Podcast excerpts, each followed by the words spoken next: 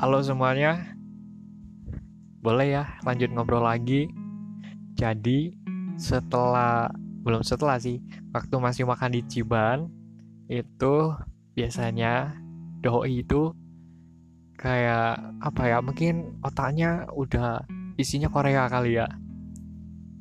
Jadi dia sering uh, ngasih makanannya itu ditaruh di piring, di piringku gitu pakai sumpit sushi roll diletakin di piring gitu kan.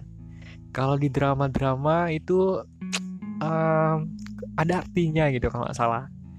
Jadi kayak kalau misalnya kamu senang sama seseorang dan posisi lagi acara makan-makan gitu kan.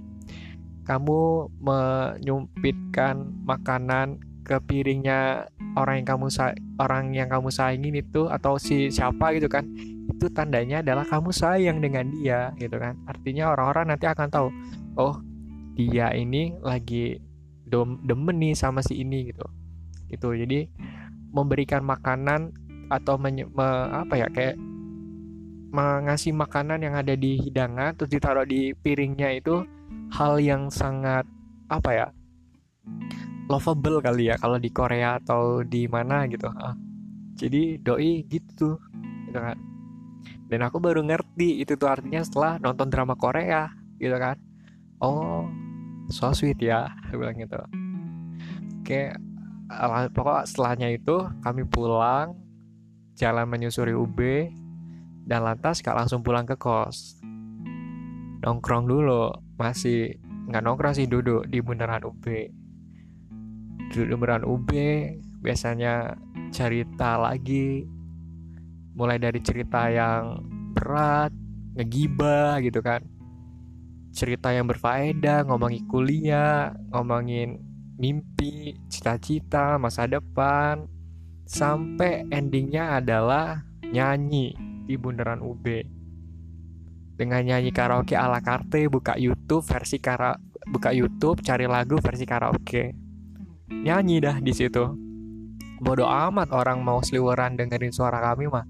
Yang penting happy gitu. Nyanyi. Jadi kalau di kalau dikira-kira ya porsi ngobrolnya itu ngobrol penting sampai nggak pentingnya itu 30% 70 persennya karaokean nggak jelas.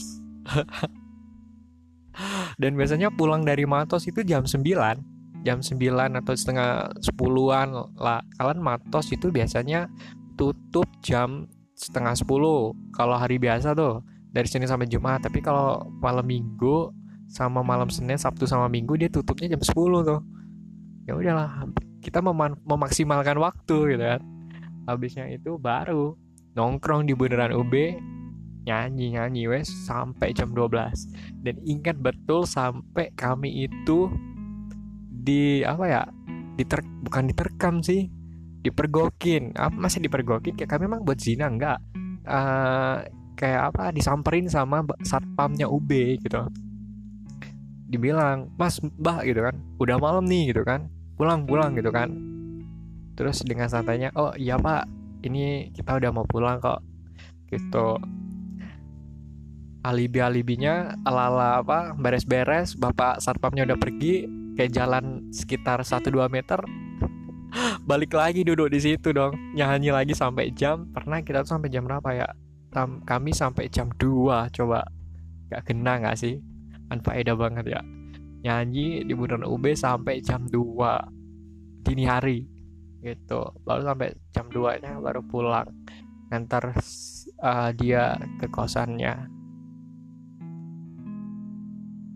Oke nanti kita sambung ya